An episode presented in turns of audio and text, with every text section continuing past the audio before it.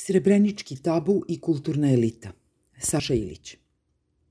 Nakon predstave Zlatka Pakovića Srebrenica kad mi ubijeni ustanemo, koja je premijerno izvedena na jedinom mogućem mestu u Beogradu CZKDU, podigla se velika buka, koja je još jednom pokazala da je glavna intencija Pakovićevog režiserskog rada, kritika kulturne elite, zapravo u potpunosti uspela – On je uznemirio duhove kulturnog establishmenta, režimske medije, konzumente pozorišne umetnosti, neme posmatrače.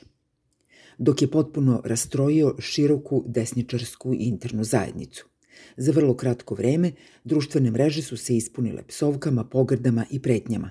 Pakovićev rad, kao i glumci koji su igrali u predstavi, Katarina Jovanović, Andreja Karčagin, Ivan Jevtović, Vahid Đanković i Boris Milivojević označeni su kao bolesni deo društva koji treba eliminisati.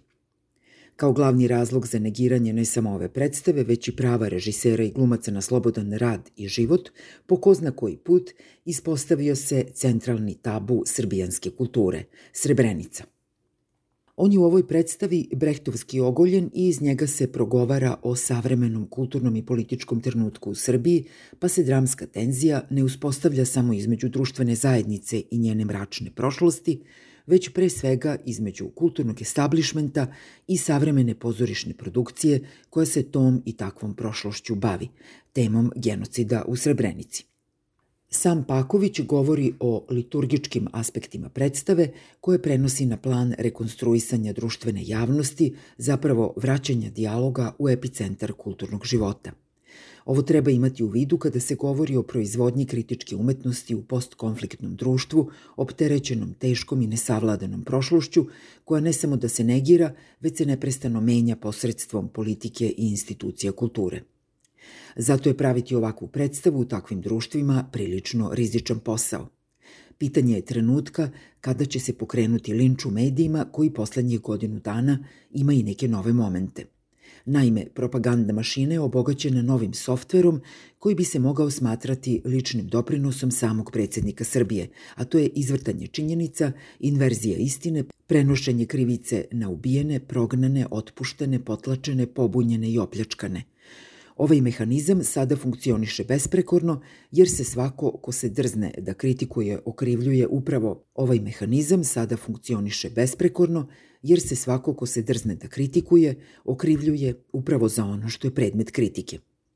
Tako su Paković i njegovi glumci markirani kao oni koji proizvode sukob, što se može videti u medijima i na portalima poput prismotra.net, koji su specijalizovani za detektovanje i delegitimisanje mislećih kritičkih subjekata.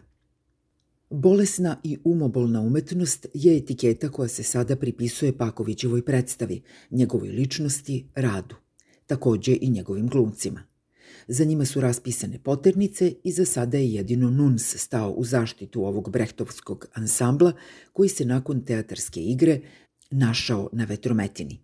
On sada plaća visoku cenu za sobstvenu hrabrost, dok Helsinški odbor za ljudska prava, inače producent predstave, uzalud poziva nadležne institucije da reaguju.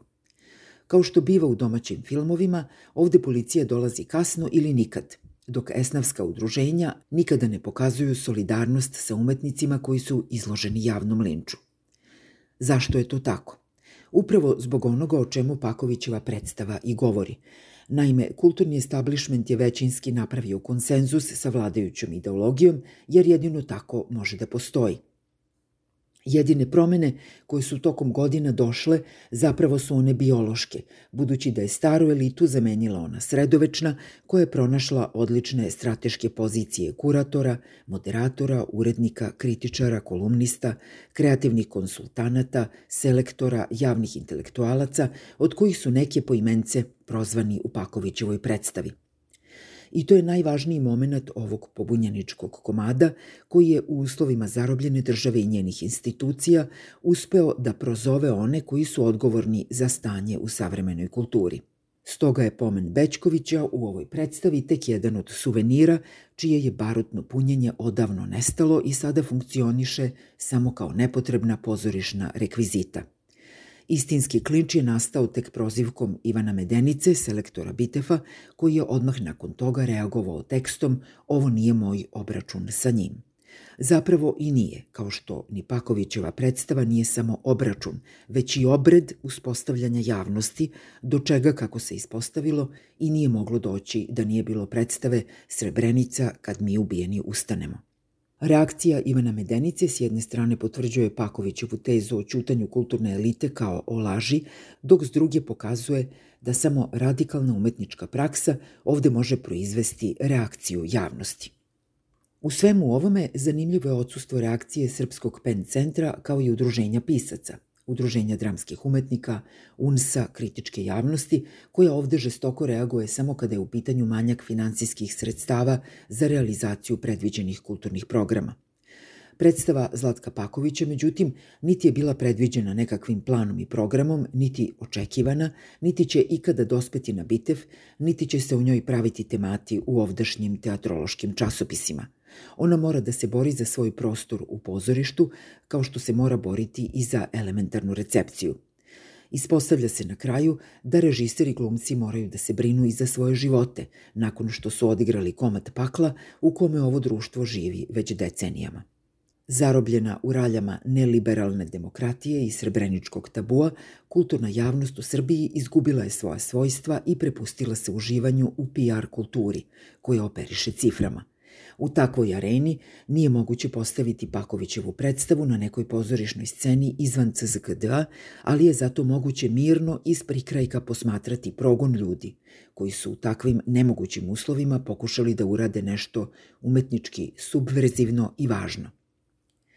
Pritom nije Paković jedini. Ima ovde ljudi koji su izbrisani sa kulturne scene u samo nekoliko dana proizvodnjom nečuvene medijske harange koja je očigledno delovala i pedagoški, jer je dodatno utvrdila podaničku kulturu i pristajanje na život s tabuom koji je zapravo glavni generator nasilja u Srbiji.